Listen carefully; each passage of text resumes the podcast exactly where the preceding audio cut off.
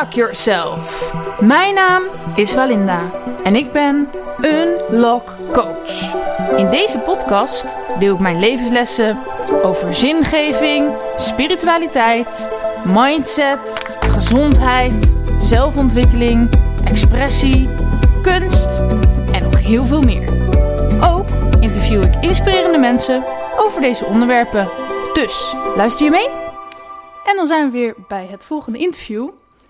Ehm, en mijn eerste vraag is: wie ben jij? Nou, eh, ik ben Anke. Ik ben eh, 28. En eh, ja, ik wil graag mensen inspireren met eh, mijn verhaal over depressie. Maar ook over eh, dat ik graag impact maak in het leven. Dus zowel met mijn werk als ja, in mijn leven. Mhm. Oké. Ehm, en op wat voor manier wil je dan impact maken? Nou, in eerste instantie ben ik dus zelf begonnen met een eigen bedrijf. eh, waarmee ik mensen stimuleer om eh, zwerfafval op te ruimen. Op een eh, sportieve manier. Dus ik ben begonnen met ploggen. Dat is joggend zwerfafval opruimen. En de missie is ook om dit echt bekender te maken in Nederland. Ehm, en ik ben daarmee begonnen na een cursus sociaal ondernemen. En ehm, toen dacht ik, dit is wat ik moet. Ik moet iets doen met de wereld en eh, ja, dus impact maken, eh, mijn passie volgen met sport en gezondheid. En ehm, dat heb ik gedaan. En nu ben ik best wel gegroeid in dat bedrijf. Ehm, dus daarmee en ook ehm, wil ik heel graag eh, mensen ja, stimuleren om open te zijn over ja, mentale problemen. Want ik heb zelf een best wel ernstige depressie gehad in ja, december, januari. En ik dacht, ik moet daar gewoon wat mee. Mhm. En waarom zit ik over na te denken? Maar ik denk omdat ik het anders moeilijk vind om het eh, mezelf te vergeven of zoiets. Dus dat ik denk van, nou, als ik er mensen misschien bij kan helpen, dan heb ik er tenminste iets mee gedaan. Ja. Dus zo. Oké. Eh, poeh, waar zullen we beginnen? Eh, ja, la- laten we nog even luchtig beginnen. Luchtig, ja. is. Ehm, ja, de, hoe kwam je dan bij die sociale eh, onderneming? Of tenminste, het was dus een project. Hoe kwam je daarbij? Ehm, nou, ik had een studie ehm, so- sociaal-pedagogische hulpverlening afgerond. En eerlijk gezegd vond ik dat helemaal niet zo leuk en wist ik al lang, ik ga hier niet in werken. En toen al vrij snel, ehm, ik wist al heel lang wel dat ik iets met ondernemen wilde, zit ook wel in de familie. En met het milieu had ik ook wel wat en met sport. En toen zag ik een, eh, een oproepje van sociaal ondernemen, een, een traineeship. En dat ben ik gelijk eigenlijk na mijn studie gaan doen. En dat was gewoon de leukste tijd van mijn leven. Ja, ik heb daar gewoon... Het was gewoon school, maar dan echt leuk. ja, dus dat is wel een mooi compliment, denk ik, voor degene die het doen. Het heet Starters for Communities. Ja. En het zit op verschillende plekken in Nederland. En het idee is dat je echt gaat kijken, eh, ja, wie ben jij en waar ligt je passie? En kun je ook ja, van je passie je werk maken? Eh, en dat heb ik ook echt gedaan. En je kon een beetje twee kanten op. Je kon echt de kant op van persoonlijke ontwikkeling. Dat hebben veel mensen gedaan. Eh, en dus de kant op van wat wil ik qua werk. En dat heb ik gedaan. Mhm. Achteraf denk ik, het was ook wel goed geweest als ik die andere kant had gepakt. Maar Mhm. daar wilde ik echt weinig van weten. Dus ik heb die andere kant genomen. Dat was heel goed, want ik ben ook dus daarna gelijk begonnen met mijn bedrijf. En ehm, ja, het gaat nog steeds eh, heel goed. Ja. Dus En hoe lang heb je dat bedrijf al? ehm, anderhalf jaar. Oké. Ja. En waarom kies je dan voor zwerf? Tenminste, ik zou er dus niet opkomen om Nee. een bedrijf te gaan beginnen in zwerfafval. Ehm, nou, heeft wel een beetje te maken met het aantal reizen naar het buitenland. eh, waar ik toen samen met mijn vriend eh, de, eh, eigenlijk heb gesnorkeld. En de eerste keer in Egypte hebben we gezien gewoon hoeveel eh, ja, afval er in de zee lag. En het leek ook echt gedumpt. En toen ehm, dacht ik, ja, dit kan niet. Het hebben we alles proberen op te ruimen. En, eh, en eh, toen kwam ik in Nederland en toen dacht ik wel, hier wil ik wel iets mee. Uh, dus daar is het wel begonnen eigenlijk. Dus in het buitenland wat ik heb gezien. En toen in Nederland zag ik gewoon ook afval. En toen ging ik meedoen aan beach cleanups en al dat soort dingen. Ja. En toen dacht ik, ik ga het gewoon in mijn eigen dorp. En uh, ik woonde dus in Beeldhoven. En ik zat er bij een hardloopgroep. Dus de eerste keer dat ik het organiseerde had ik gelijk 16 mensen. Die al rennend uh, de wijk in gingen met zakje en zo. En toen vond ze het zo leuk. Zo, wanneer is de volgende? Ik zo, oh ja. Oké, okay. gaan door. Oké. Okay. Ja. En uh, hoe verdien je daar dan geld mee? Uh, ik krijg subsidie, subsidie via de gemeente. Oké. Okay. En daar kan je dan je bedrijf Daar van kan ik eh, nu van leven. Want ik heb het ook echt uitgebreid. Ik ben eerst begonnen met iets van acht uur in de week. En toen eh, kwam corona. Toen dacht ik, oh, ik had inderdaad een heel projectplan af. Nou, je kunt niet in groepen sporten. En toen ehm, heb ik één keer bij mijn zus een eh, pakket langsgebracht. Er waren twee afvalgrijpers en een tas. Dat heb ik op Facebook gezet. En toen de volgende dag was het heel veel gedeeld, ook door de gemeente. En toen wilde iedereen ineens zo'n pakket, want jij had niks te doen. Mhm. En dan kan je tenminste buiten lopen. Dus dat was eigenlijk super goed bedacht van Ja. mij. Maar ik had helemaal niet zo die koppeling niet Nee, zo het was gewoon toevallig op Ja. hetzelfde moment. dus er was heel veel gedeeld en ik had gelijk allemaal mails. En ik was helemaal gestrest van, oh, ik moet nu al die spullen langsbrengen. Ik wilde het ook persoonlijk langsbrengen. En ik moest, nou ja, toen was het allemaal nog onduidelijk met die coronaregels. Dat was echt aan het begin. Ik dacht, oh, moet die dingen steeds ontsmetten? Nou ja, ik was helemaal, helemaal gestrest. Maar daar is het eigenlijk, is dat mijn soort van redding geweest. Want ik heb nu iets van 90 mensen die eh, zo'n grijpertje hebben. En dat blijft maar doorgaan. Maar dat is dan niet jouw personeel, zeg maar. Nee, dat zijn echt vrijwilligers. Ja. Ja. Dus jij bent de enige in jouw bedrijf en je spoort mensen aan om afval op te ruimen. Ja, ja, en ik probeer er ook echt een community van te maken. Dat heb ik ook in die opleiding geleerd. Eh, eigenlijk is het gewoon een sociale activiteit. Als je met z'n allen gaat opruimen. Mensen willen soms meedoen om iemand te ontmoeten. Ehm, we hebben wel ontdekt natuurlijk dat het niet heel veel... eh, het is leuk dat je opruimt, maar we weten dat het niet de oplossing is. Dus ja, eh, het is vooral echt gezellig. Ja. En, het ma- en je maakt impact en je, mensen zien je opruimen, dat helpt ook. Dus dan, Mhm. eh, en zo ja, worden steeds meer mensen besmet, zeg maar, noem ik het een beetje met het opruimen, opruimvirus. Ja, Ja. het klinkt echt van alsof... Ja, jij hebt natuurlijk wel die opleiding gedaan, maar... Of wat, hoe noemen we dat nou, dat traject? Maar het klinkt bijna alsof het succes je daarin is overkomen, zeg maar. Ja, want ik wilde eigenlijk eh, leefstijlcoach worden en ik wilde ook echt een eigen bedrijf. Toen dacht ik, nou, dit project, dat, daar begin ik zeg maar wel gewoon mee. En dus het is niet per se in eerste instantie wat ik wilde, maar het is inderdaad gewoon een beetje per ongeluk een groot succes geworden. Mhm. Ik dacht, ik ga er allemaal dingen naast doen en zo, maar dat, heb je helemaal geen tijd druk Oké. Ja. En hoe doe je die eh, community building? Hoe doe je dat? Ehm, eh, ja, hoe doe ik dat? Ik heb ehm, nieuwsbrief. Nou, dat vind ik dan wel belangrijk. Eh, Facebookgroep.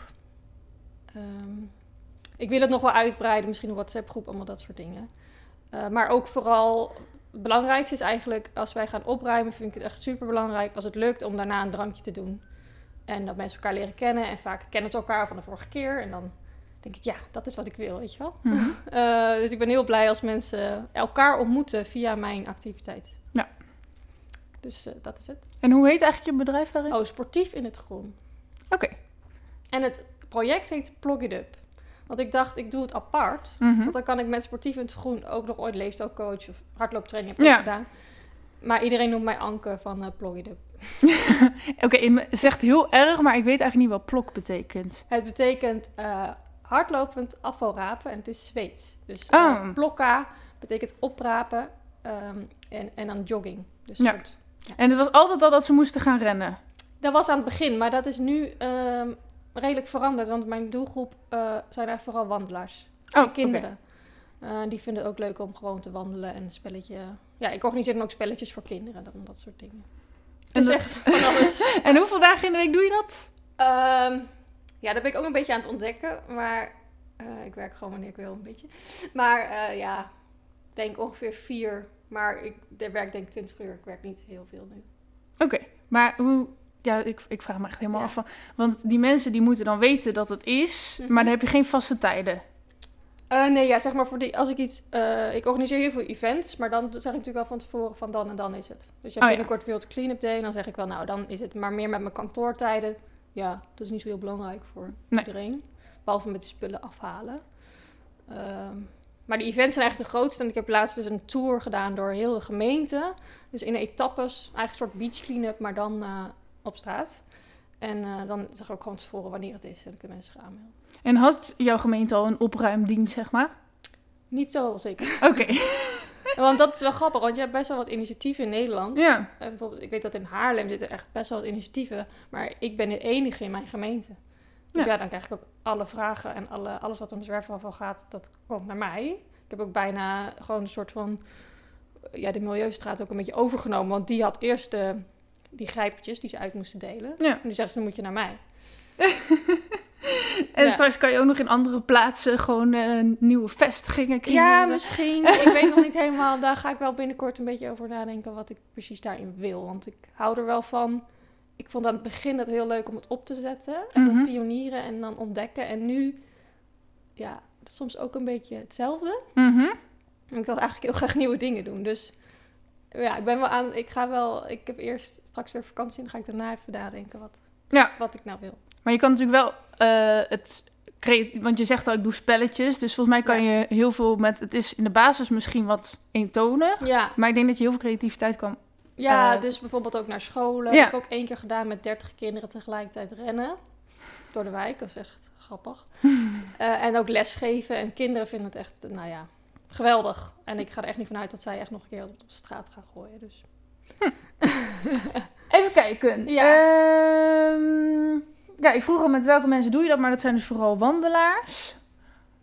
En, Ja. en die mensen, hoe, hoe komen die mensen nou eigenlijk bij jou? Hoe Dat, komen ze bij mij? Ja, dat is echt opbouwen. ja, Het is echt eerst dus zeg maar hardloopgroep, dat is nog wel zeker de kern. Eh, nou, die kennen natuurlijk weer mensen. Wij hebben zo'n plaatselijke krant. Eh, die leest iedereen. Echt heel veel mensen lezen die krant. Mhm. En daar sta ik ook gewoon best wel vaak in. Dat mensen zeggen, nou, staat je nou weer in de krant, weet je wel.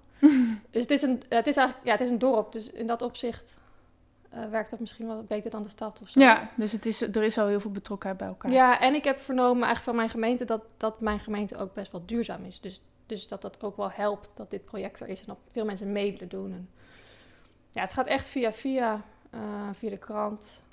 Nee, je Ja. vertelt echt alsof het zo van... Ja, ik weet niet veel van. Oh ja, dat doe ik even, zeg maar. Ik vind het wel heel En dat tof. is ook wel een beetje mijn valkuil. Want ik, eh, Het is echt heel groot, hoor. ja, het is echt wel groot. En ik denk dat heel veel mensen dromen dat dingen zo succes worden, zeg maar. En jij denkt, Ja. wow, ja, ja, ik wil echt wel wat anders vinden. Dat is saai.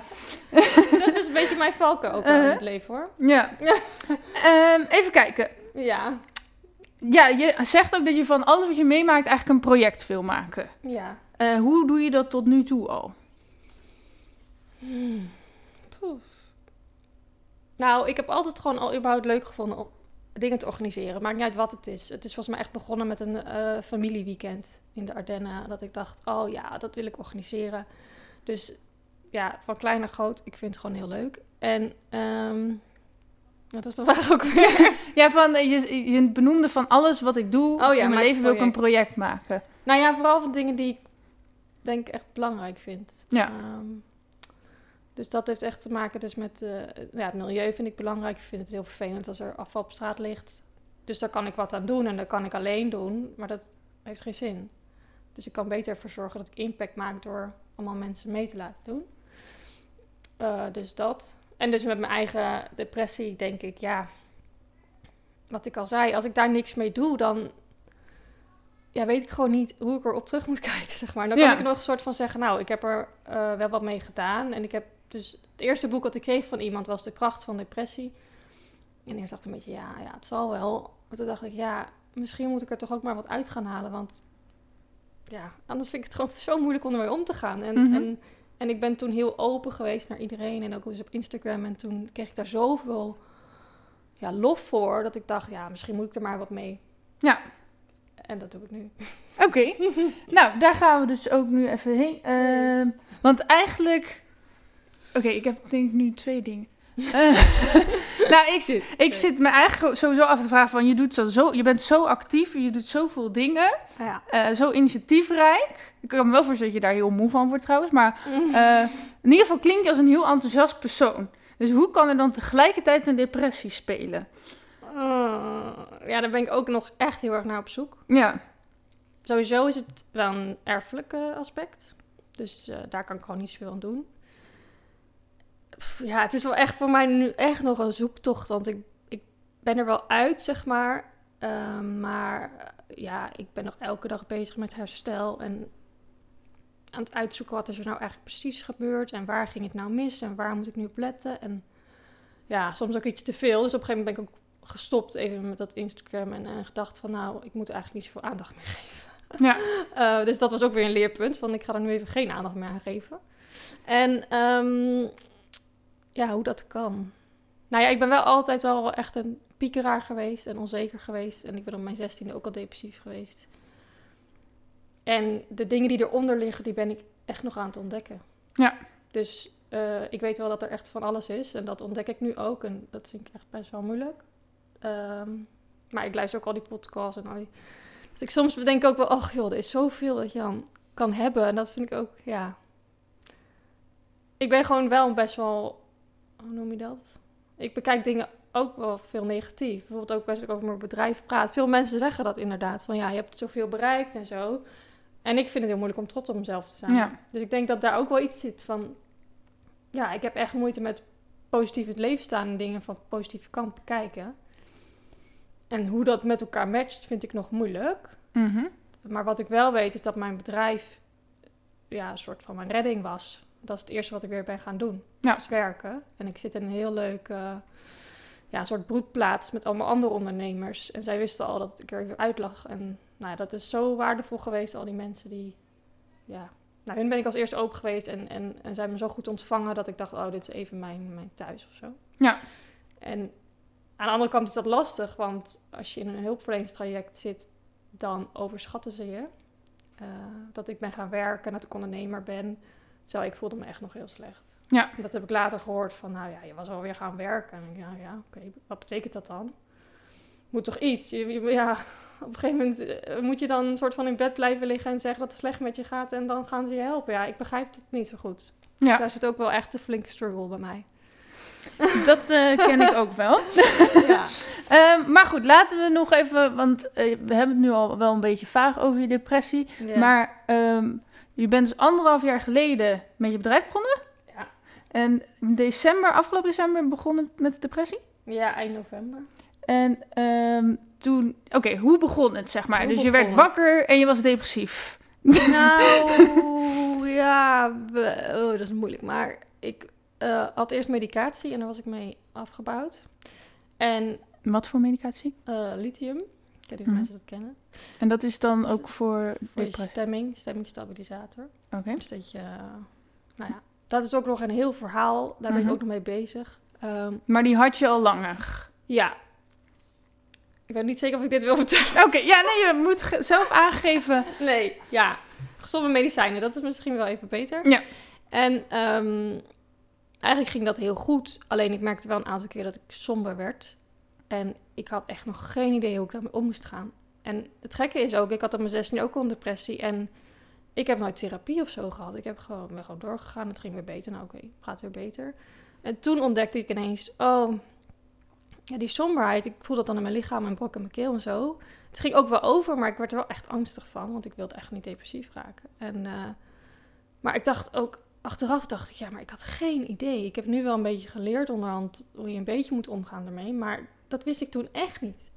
En, en ik denk dat toen, de eerste keer dat corona, zeg maar, er was, vond ik het, had ik al zo'n zo'n bui. Mhm. Toen ben ik toch maar gewoon, dat ik ook al de neiging om niks meer te gaan doen en zo. En toen ben ik toch maar dingen gaan doen. En de tweede keer was ergens in de zomer. Maar het was steeds heel kort. En de laatste keer was eind november. En ik weet niet precies, ik had ook zoveel, ik had echt heel veel angst voor een depressie. En ik weet dat ik toen zei van ja, ik stop. En toen ging er een knopje om of zo. En toen dacht ik ja, en toen ging ik alleen maar achteruit. En dat is, het is heel raar om het zo te vertellen, want in mijn hoofd is het echt zo gegaan dat ik zei, ik, ik kan hier niet tegen vechten, ik wil, ik wil niet. En toen, ja, ja, letterlijk kwam ik gewoon mijn bed niet uit. En eh, ik denk dat angst gewoon achteraf ook wel echt een grote rol heeft gespeeld. Ja. Angst voor dat het slecht met je gaat en dat het dan ook gebeurt. Ja. maar is- even denken hoor, want je was dus al druk met dat bedrijf. Ja. En op een gegeven moment, waarschijnlijk ben je ook gewoon een beetje moe, denk ik, van alles wat je doet. Ja, en er, was, er waren heel veel dingen, er waren eigenlijk wel heel veel positieve dingen gebeurd. Mhm. Maar misschien ook wel te veel. Dus inderdaad, mijn werk eh, gegroeid. Waar ik. Ja, ik vind het helemaal niet makkelijk om in de belangstelling te staan. Ehm, maar dat moest ik wel uiteindelijk met dat bedrijf. En, en iedereen was helemaal lovend over mij. En op een of andere manier, dat ben ik ook aan het ontdekken, ben ik dat niet zo gewend. Dus dat allemaal oh, helemaal ophemelen. Eigenlijk kan ik daar helemaal niet tegen. Liefst stop ik mezelf gewoon. dus ik denk ook wel dat daar iets lag, dat er misschien iets gebeurde wat wat niet helemaal bij mij paste, terwijl ik wel echt heel veel succes had. Dus mensen zullen echt wel zeggen van, ja, maar je had toch zoveel succes? Maar ik denk dat dat vaker eigenlijk gebeurt bij mensen. Dat het, ja, het kan ook zijn dat je daar moeite mee hebt. En dat had ik wel. Dus dat was een onderdeel. Ehm, ik ging samenwonen en verhuizen. Dat is natuurlijk ook wel een live event. Mhm. Eh, en uiteindelijk was ik in dat huis niet zo happy. Ik was bezig met een tiny house initiatief. Daar was ik ook de voorkartrekker van. Het, eigenlijk allemaal, het waren allemaal leuke dingen. Ja. Maar ehm, En hoe weet je dan dat het een depressie was en geen burn-out?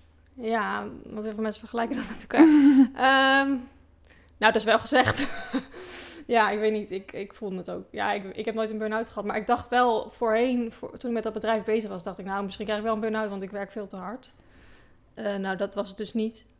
Ehm, maar ja, ik voldeed gewoon aan alle ja, kenmerken van- een depressie. En wat is volgens jou het verschil tussen een burn-out en een depressie? Hmm. Eh, Ja, goede vraag. Ik heb nooit zo over nagedacht. Maar ehm, ja, burn-out is natuurlijk ook breed. Maar dan... ehm, het was bij mij niet dat ik geen energie bijvoorbeeld had of zo. Oké. Ik wilde alleen gewoon niet. En ik, ik weet niet... Ik weet dat je bij burn-out ook gewoon een beetje opgebrand bent. En dat je dus snel moe bent. En, dan, en dat had ik eigenlijk niet. Oké. Bij mij was het juist andersom. Ik moest juist dingen gaan doen natuurlijk. Omdat je anders eh, gaat het alleen maar slechter met je. Mhm.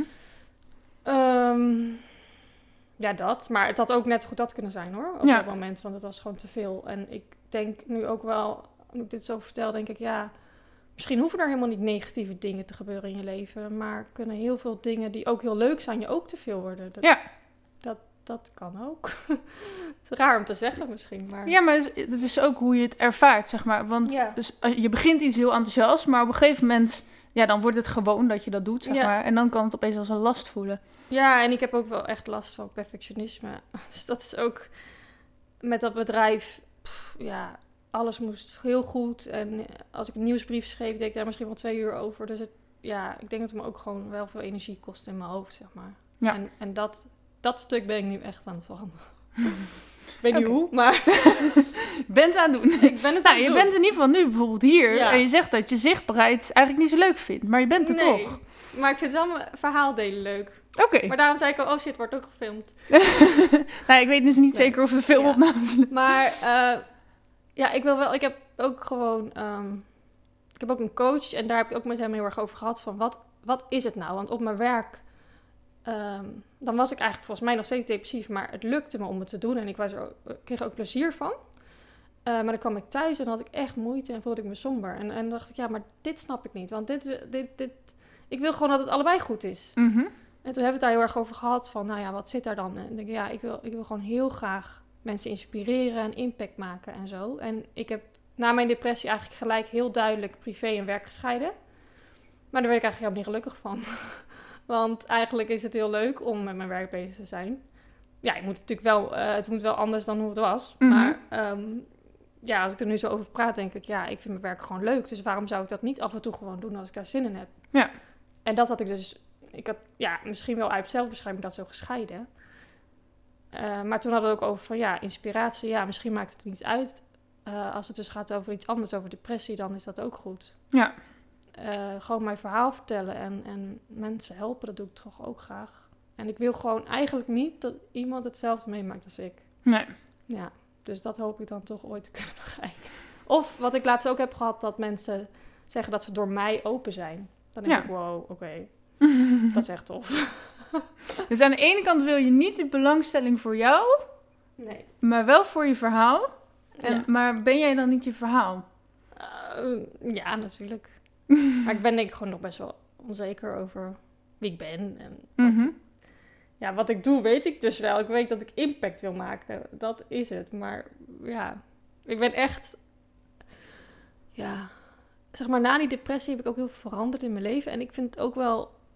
Ik ben wel echt op zoek naar mezelf. En dat vind ik wel best wel moeilijk ook. Mhm. Dus misschien daarom dat ik ook niet helemaal zichtbaar wil zijn. Of misschien heeft het te maken met vroeger. Dat zijn allemaal dingen. Ja, dat, ben ik, dat zijn allemaal patronen die ik aan het uitzoeken ben. Echt, Mhm. Dat zijn echt allemaal. eh, ja, ik ben er nog niet, maar ik weet wel dat er allemaal, allemaal dingetjes zitten, zeg maar. En ben je niet onzeker over dit verhaal? Want dat Nou, wil je wel delen. Ja, nee, want dat heb ik wel heel vaak gedaan. Ja. En, en dat doet me ook goed totdat ik dacht: oké, ik doe het nou te veel, dan is het ook wel klaar. ik moet nog even verder met een normale leven. Mhm.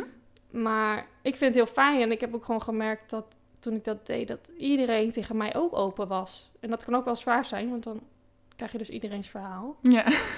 Ehm, maar dat, dat deed me ook goed. Meer om te denken van, oh, ik ben niet alleen die iets heeft en ik ben niet gek of zo. Ja. Eh, heel veel mensen herkennen het. Of, of iemand uit een omgeving. Of, of ze, ja, ze hebben zelf een diagnose. Of ja, er is, er is zoveel. Mhm. Dus daar, dat, dat- ja, dat deed me wel goed. En eh, ik moet alleen een balans vinden dat ik niet altijd mee bezig ben. Ja, maar ja, en dan, dan ben je toch wel echt met je missie bezig. Ja, dat is wel, alleen. eh, je wil niet voor jezelf, jezelf de hele tijd de grond in praten, zeg maar. Nee, dat niet. Nee. Nee. Ehm, ja, je hebt maar iets gezegd, maar eh, dat gaat niet over wat we hier net vooraf, maar iets anders. En ik weet niet zeker of ik dat mag noemen. Oh. Maar mijn podcast heet Unlock Yourself. Ja, En je zei dat in de lockdown. Weet je waar ik naartoe wil? ja, ja Wil je dat kan ik wel zeggen? iets over zeggen. Ehm, ja, in de lockdown eh, ben ik opgenomen geweest. En ehm, dat, dat, ik- ja, ik heb daar heel veel meningen over, maar ik vind het verschrikkelijk hoe, hoe... Ik heb heel veel meningen over de GGZ, hoe dingen gaan. Mhm. En ik praat er nu ook best wel mensen over. En een opname is echt, nou ja, voor mij het slechtste wat me is overkomen. Het heeft me sowieso niet beter gedaan. En het heeft me zelfs een trauma opgeleverd. Daar krijg ik nu hulp bij, gelukkig. Maar als je daarover nadenkt, denk je, dit, dit kan niet. Mhm. Ehm, en inderdaad, dat was het soort van grappige dat ik jou, jouw podcast zag. Dat ik dacht, oh ja, Mhm. ik ben echt precies in die ergste lockdown in januari eh, opgenomen geweest. Dus ik zat in een soort dubbele lockdown. En ik moest ook nog eens in quarantaine in mijn eigen kamer. Nou, als je depressief bent, ja, ik vond het eigenlijk toen wel prima volgens mij. Ja. Je echt denkt, nou, ik heb toch geen zin. Mhm. Ehm, maar dat is echt, als ik zo terugdenk, denk ik, ik had wel echt best wel pech. Ja. Want daardoor waren er, eh, mocht je eigenlijk geen bezoek. Eh, alle eh, hulpverleners hadden van die pakken aan. Dus je had er geen idee wie je voor je had. Dat vond ik ook heel vervelend. Mhm. Normaal heb je gewoon kleren aan. En denk je, nou, ben je toch ook een beetje een normaal persoon? Ja. Ehm, ja, ja, je moest... eh, ja, er waren geen activiteiten. Nou ja, dat is voor iemand die depressief is, is dat bijna niet te doen. Nee. Het is... ehm, en ik miste mijn familie en zo, echt super erg. En die, zou, die hadden eigenlijk bedacht van, ja, we komen echt twee keer per dag, weet je wel, elke dag op bezoek. Nou, na twee dagen kon dat dan niet meer. En dat vond ik echt, eh, ja, toen dacht ik echt, wat een pech. Zo dacht ik Ja. echt. Dus Nee. normaal hebben ze, zeg maar, als je dus wordt opgenomen, hebben ze Ja. wel activiteiten. Nou ja, hebben ze natuurlijk niet die gekke pakken aan. Nee, Eh, en dan mag je gewoon bezoek ontvangen. En nu vanwege de lockdown was er helemaal niks. Was je gewoon echt bijna in de gevangenis. nou, zo voelt het sowieso. Als ik, als ik een beeld zie van de gevangenis en ik zie dat de deur op slot gaat, denk ik, ja, dat is een opname ook. En eh, Deze ook echt de deur op slot. ja, Oké. Nou, Maar- niet van je kamer, maar van de, van de afdeling. Ja. En daar heb ik ook echt daar heb ik moeite mee. Een hek eromheen, bij de tuin, zeg maar. Het was wel een redelijk grote tuin. Dus ik weet wel dat op een gegeven moment ben ik gewoon rondjes gaan rennen in de tuin. Maar ja, ik kon niks anders, weet je wel. Ehm, maar het is wel echt, ja... Ik, ik, ik hoop dat er mensen zijn die er wat aan hebben. Mhm. Eh, maar bij mij is het gewoon ja, niet goed gegaan. En ja, dat vind ik zelf gewoon heel heftig. En, en ik zou er ook ooit wat mee willen of zo. Dat ik denk dat ik als ervaringsdeskundige daarheen ga en ga zeggen: jongens, mag het überhaupt iets gezelliger? Mag, Mhm. het, mag het iets meer dat je denkt: nou, oké, ik ben hier wel oké dat ik er ben. Maar zij zeggen eigenlijk, wat ik toen heb vernomen, van nou, het moet zo, want we willen niet dat je hier aan went. En eh, eigenlijk is het dat je zo snel mogelijk weggaat. Ja. Dan denk ik, ja, maar het moet toch wel oké zijn om er te zitten. ja, je moet je juist opknappen als het goed je is. moet toch opknappen, dus er mag toch wel een beetje comfort en een beetje eh, ook van die, ja, ik was ook heel erg bezig met gezonde leefstijl en duurzaamheid. Mhm. Nou, dat was dat natuurlijk helemaal niet. Dus ik dacht, Nee. nee. wat ben ik? Zeg maar, je kreeg zo'n ziekenhuismaaltijd. Ja. Ik, ja, daar, daar, zit, daar valt echt nog wat te halen. Dat Ja. heb ik ook echt gezegd toen. Zo van, ja jongens, waar is het gezonde eten? Ja, dat kan je ook zelf eh, halen of zo. Mhm. Want Ja, je, mocht er wel, je mocht er wel. Nee. Nee, dus niks kon. Maar ja, het ergste vind ik aan opname bij mij is dat ik was gewoon echt zo depressief dat ik nergens zin in had. En dat je dan niet echt wordt, ja, hoe noem je dat? Ehm, welkom geheten of eh, een beetje wordt begeleid of een beetje wordt gezegd, nou hier ben je, dit is hoe het werkt. Nou ja, ligt gewoon op de kamer ligt een map en die moet je maar gewoon lezen.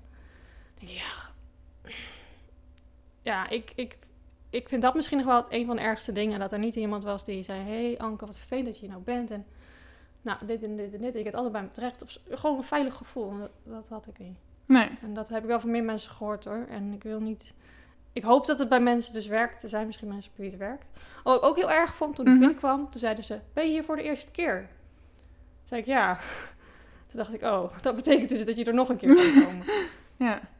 En ook dan als je weg, ook hoop dat we je nooit meer zien, weet je wel, dat je nog een keer komt. Denk, oh, het is dus doodnormaal dat je dus vaker wordt opgenomen. Denk ik, oh, Ja. my God. nou, ik ga daar nooit meer naartoe. En dat staat, ik heb ook een plan geschreven dat dat gaat niet meer gebeuren. Nee. Maar ik zit even... Ik ben best Ja. wel vaak depressief geweest. Maar Mhm. ik ben echt nog nooit opgenomen. Nee. Misschien is het dan bij mij ook weer wat fout gegaan. Of zo hadden we dat wel moeten doen. Weet ik niet. Nou, Maar ik- nou, ik denk wel dat niet elke instelling ook hetzelfde is. nee, hè? Dus ik dat denk, zou ook niet zo zijn. Nee. En eh, ik denk ook gewoon dat ik echt pech, gewoon, ik noem mezelf haar wel een beetje pech- pechvogel. Maar hoe kwam je... eh, wacht, want oké, dus op een gegeven moment wil je niks meer. Je blijft in bed liggen. Heb je toen nog dingen afgezegd of zo? Wel netjes? Of ben je gelijk gevlucht als het ware? Eh, ik weet niet alles meer. Maar, ehm, nou ja, het voordeel en het nadeel van een eigen bedrijf is dat niet echt mensen op je wachten. En het was winter, het was lockdown, dus ik hoefde eigenlijk ook eigenlijk niks. Nee. Ik had anders misschien wel een soort van vakantie gehad. Dus in dat opzicht heb ik ook niet veel gemist, zeg ik dan Nee, altijd. nee, van, eh, er gebeurde toch niks in de wereld. Ehm, nou ja, je komt eerst bij een crisisdienst eigenlijk. Maar je lag in bed en ja, je hebt toen zelf een psycholoog gebeld? Of hoe is dat gegaan? Ja, eerst naar de praktijkondersteuning. Mhm. En die daar wel een paar gesprekken mee gehad, maar die kwam gewoon niet verder met mij. En toen zei ze, nou je moet eigenlijk dan op een wachtlijst voor een psycholoog of iets. Maar dat duurt te lang Mhm. voor hoe ik er toe en toe was. En, en eh, toen, dan moet je dus naar de crisisdienst. En toen vonden ze me eigenlijk ook nog niet eens helemaal zo erg depressief. Daar heb je echt regels voordat je daar binnenkomt. Mhm. Ja, toen begon de hel eigenlijk voor mij. Ja. Maar dus de crisisdienst vond je niet depressief genoeg en toch kom je dan in een instelling terecht. Ja, maar dat is echt pas twee, drie maanden later geweest. Omdat ik niet beter werd. De dingen die zij aanbieden, die hielpen mij niet. Ze boden mij als eerste structuur aan. Mhm. Ja, ik had dat überhaupt al niet voor mijn depressie, dus het is best wel lastig. Eh, dat werkte niet. Nee. En, en, en ze hebben al alle dingen geprobeerd. En waarom er niks werkte, ik weet het ook niet. Maar uiteindelijk denk ik, en dat is misschien wel ja, een aanname, dat ze me antidepressiva eerder hadden moeten geven. Ja. Dat kwam pas bij de opname. Dus, want het is steeds erger, steeds erger. En terwijl ik wel merkte toen ik die een tijdje had, zes weken, dan begint te werken. Dat duurt ook lang Mhm. eh, dat mijn hoofd iets rustiger werd. En dan kan je misschien echt verder. Ja. En bij mij hebben ze dat heel lang uitgesteld en dat was ja, achteraf misschien niet. Oké, ik durf eigenlijk de vraag bijna niet te stellen, maar was je suicidaal? Eh, dat zeggen ze wel. Ik vind het zelf moeilijk om dat echt. eh, Ja, bij mij kwam het meer over als aandacht vragen. Dus zeg maar. Ja, ik weet niet of dit. Mhm. Ja, dat je dus zeg maar het gevoel. eh, dat ik zei dat ik niet meer wilde zijn ook en zo. Mhm. En dat daardoor ja, wel iedereen schrok en zo. En dacht, oh, het gaat niet goed met Anke. En eh, we moeten wat doen. En, want ik had het gevoel dat ik steeds niet goed werd geholpen. Ja. Maar ja, ik, ik was niet zo suicidaal dat ik echt iets heb gedaan. Nee. Wat heel erg was. Oké. Laat het daarop houden. Gelukkig. Maar ik wilde, ja, ik wilde er echt niet meer zijn. En Nee. dat vind ik wel... Af en toe komt dat nog steeds ineens omhoog. En dan denk ik, ja, dat moet ik nou even niet serieus nemen. Maar ik heb wel echt... Ik vind het wel echt bizar hoe dat kan. Mhm. Dat vind ik eigenlijk wel eng. Dat dat in je hoofd kan opkomen en dat je het dan ook moeilijk kan wegdrukken. Of dat je dan maar afleiding moet zoeken. Of dat je denkt, ah, eh, ik weet het niet. En ehm, ja, ik merk ook als iemand anders erover praat. Of als het, ehm laatst was in mijn omgeving eh, iemand zelfmoord gepleegd. En nou, dan raakte ik helemaal van slag. En dan meer omdat ik denk, oh, ik kan me zo inleven, weet je wel, in die persoon. En waarom heb ik die persoon niet even met diegene koffie gedronken van tevoren? Of waarom... Ja, ik vind dat... Ik schrik altijd wel als het over die onderwerpen gaat. Omdat ik me zo kan inleven. Ja. Dat vind ik nog het moeilijkste. Eigenlijk als ik jou hoor, dan, dan klink je vooral heel erg dat je heel graag ja, andere mensen helpt, zeg Ja. maar. Maar echt zo graag ten koste van jezelf ja, dat bijna. kan wel. Ja. Ja, toch? Ja. Oké. Ehm, mm, mm, mm. En toen zat je in die instelling, Ja. en, maar dat, was, dat hielp dus eigenlijk niet. Nee. Maar hoe ben je daar dan weer uitgekomen? Door in ieder geval elke dag te zeggen dat ik naar huis wilde. Eh, maar wat ik het moeilijkste vind, en, en ik snap de regels gewoon niet zo goed. Want ik was vrijwillig opgenomen. Dat Mhm. betekent eigenlijk dat je alle recht hebt om weer te gaan. Dacht ik. Dat hebben ze mij niet goed uitgelegd, want zo werkt het dus helemaal niet. Mhm. En toen voelde ik me echt, nou, toen voelde ik me echt zo beduveld of zo, dat ik echt dacht, waarom hebben ze dat van tevoren niet verteld? Ja. Want ik, ik, ben weer vrijwillig. Nee, zo werkt het niet. Het moet wel eerst beter zijn om weg te kunnen. Dan denk ik, ja, maar uh, ik voelde me soms ook gewoon, ja, ik heb denk ik snel alles door, zeg maar. En, en dat ik dan te slim was of zo. Dus dat ik dan, ja, maar wat jullie doen is niet oké. En dat ik het, maar dat ik ook niet durfde, ik stond ook helemaal niet sterk in mijn schoen, dus ik durfde ook niet echt te zeggen van, hé, hey, hallo, dit gaat niet goed. Maar ja, dus dat was ik helemaal niet, dus dat kon ik helemaal niet doen. Nee. Maar achteraf zou ik echt zeggen, ik zou eigenlijk wel eens met ze willen praten van, hé, hey, waarom ging dit nou zo? En, en waarom heb je ook heel wat gevoel alsof iemand zo boven je staat? Ja, dat vind ik ook heel moeilijk. Ja. Die dan beslissingen eigenlijk over jou neemt. En je hebt dan elke paar dagen een evaluatie. En bij elke evaluatie dacht ik er ook nog naar huis. En dan, nee, dat werkt niet zo. Maar eerst weer een paar dagen moet het weer beter gaan. En Ja. Het ging ook beter. Maar thuis viel ik gelijk weer terug. Dus dat helemaal... Ja, voor mij had het geen zin. Behalve dat ze daar toen zijn gestart met antidepressiva. En dat is misschien het enige voordeel. En het andere voordeel is dat ik goed heb leren pingpongen. Dat is het enige wat er te doen was. Ja, ik zit echt. Ja, ik heb wel meerdere instellingen wel eens op, weet ik veel, op tv gezien. Of op Mhm. een documentaire. Of mensen die ik ken die in instellingen werken. En volgens mij gaat het echt niet overal hetzelfde. Maar Nee, dat denk ik niet. ehm, in ieder geval, die van jou klonk echt. Klinkt, het klinkt heel ouderwets of zo. Ja. Zo van, eh, nou, je hebt deze ziekte. Ja, ja, ja. En eh, daarmee ben je gelijk minder waardig. En snap je het allemaal niet en ben je dom of zo. Tenminste, zo voelt het een beetje als ik het zo hoor. Ja, En natuurlijk, je bent ook even helemaal uit balans, waardoor je misschien niet de goede beslissingen kan nemen. Of, ehm, nou ja, misschien weet je even niet wat het juist is, maar dat betekent niet dat je minder waardig bent, Nee, zeg maar. ja. Je kan dan nog steeds naar iemand luisteren en diegene gelijkwaardig behandelen, ja. toch? En ook wel, nou, wat misschien ook wel interessant is, nou niet per se, is dat het ook natuurlijk de manier is hoe ik het heb ervaren. Dus Ja. andere mensen ervaren het misschien als fijn. Mhm. Maar ik heb gewoon ontdekt dat ik echt super gevoelig ben en, en dat ik me soms niet gezien voel. Nou, en eh, mijn psycholoog zei, als je op dat stukje wordt geraakt, dan is het logisch dat het jou zo, dat het zo erg voor jou was. Ja. Omdat ik ook echt dacht dat niemand me zag en ik dacht, nou, kan de hele dag hier zitten op mijn kamer en niemand ziet me. Zo een beetje. Ja, maar ik denk dat relaties ook juist hetgene zijn, wat, ja, hoe zeg je dat? In een relatie kan je herstellen, Ja, zeg maar. sociaal contact. Ja. En, eh, En, En zij, ze vonden echt, Mhm. ja, zij vonden structuur het belangrijkst. Maar ja, ik, ik weet niet. Ik ben nu ook wel hersteld. Dat het komt niet echt door structuur hoor. nee, nee, ik denk structuur kan zeker helpen. Ja, Maar zeg maar, structuur of regels zijn niks zonder liefde, toch? Ja nee, dat zeker. Als Want waarom- je niet gehoord of gezien Ja. voelt, dan, dan, ja, dan lost het denk ik ook inderdaad niks op.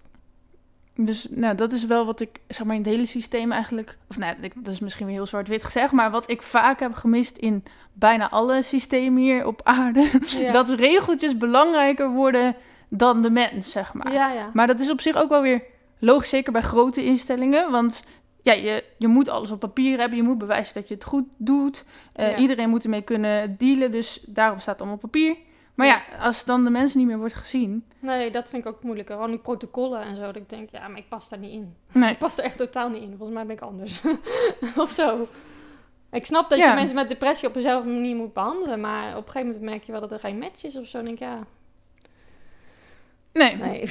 En dat is dus waarom ik dus bijvoorbeeld mijn, mijn podcast ook Unlock Yourself noem. Van eh, elk mens is anders en elk mens heeft gewoon op een andere manier iets anders nodig. Ja. En dat moet je gewoon aanvoelen.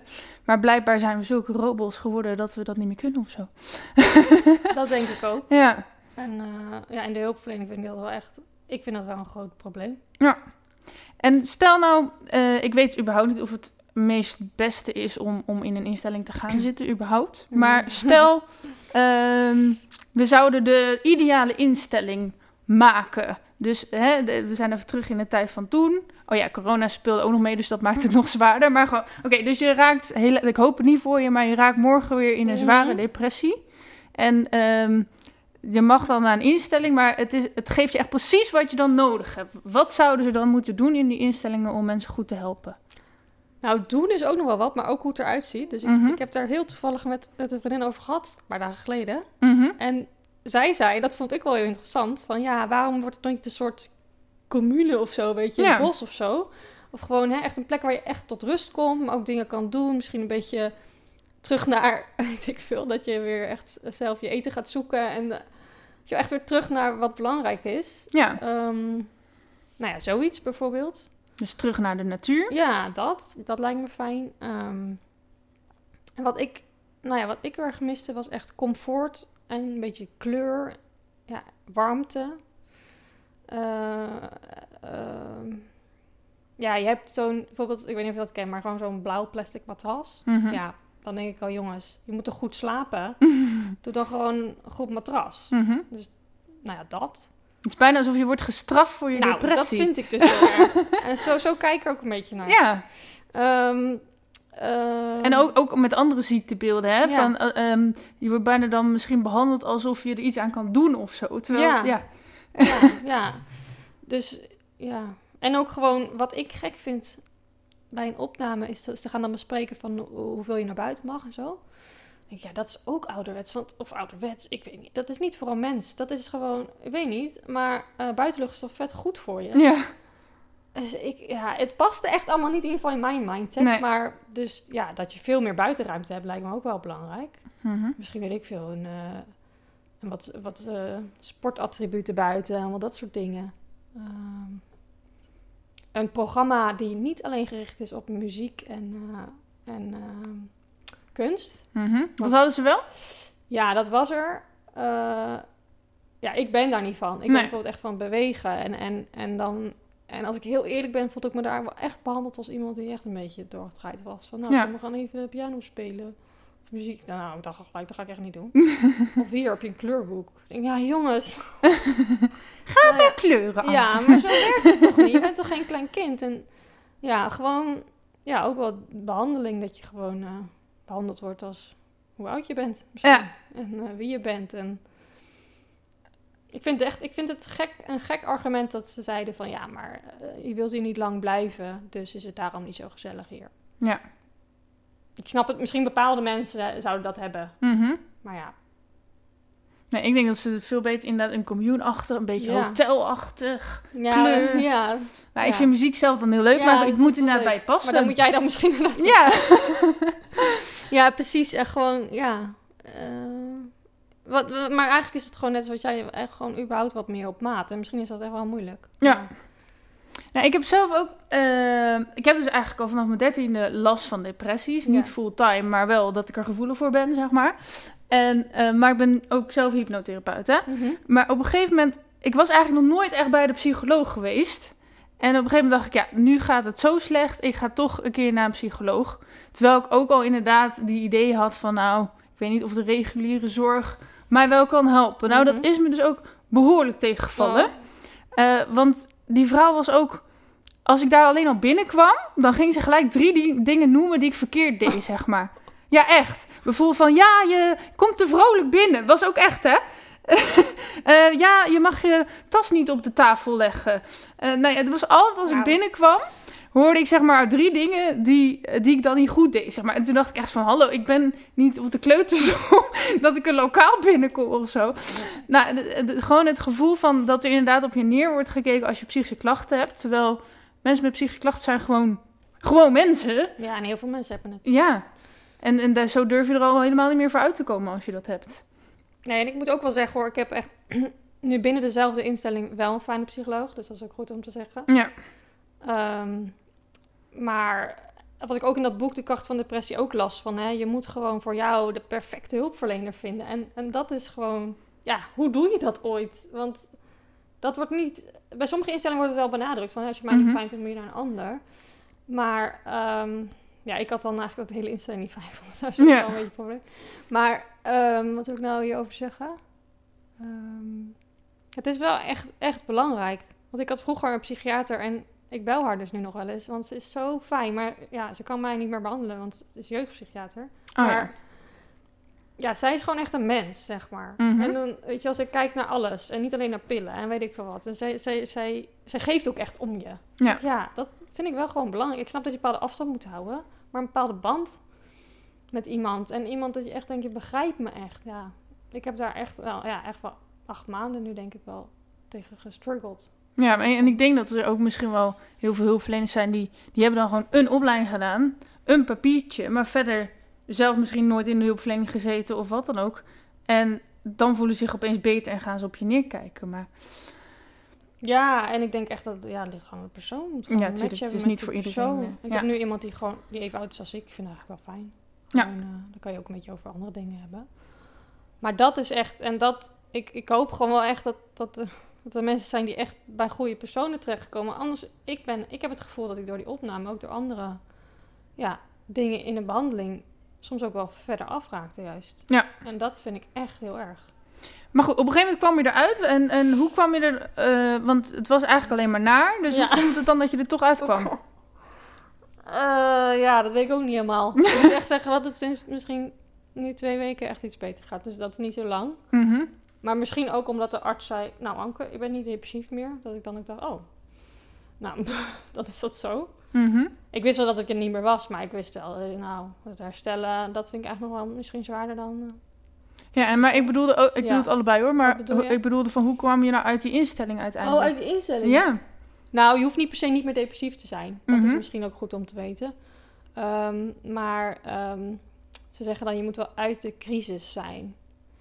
Dus inderdaad dat je niet meer praat over dat je niet meer wil leven. Of eh, eh, dat ze aan je zien. Bij mij zagen ze echt aan mijn gezicht dat ik wat blijer was. eh, dat, dat soort dingen. En dat de thuissituatie het ook aankwam. Er zijn allemaal, allemaal dingen die meespelen.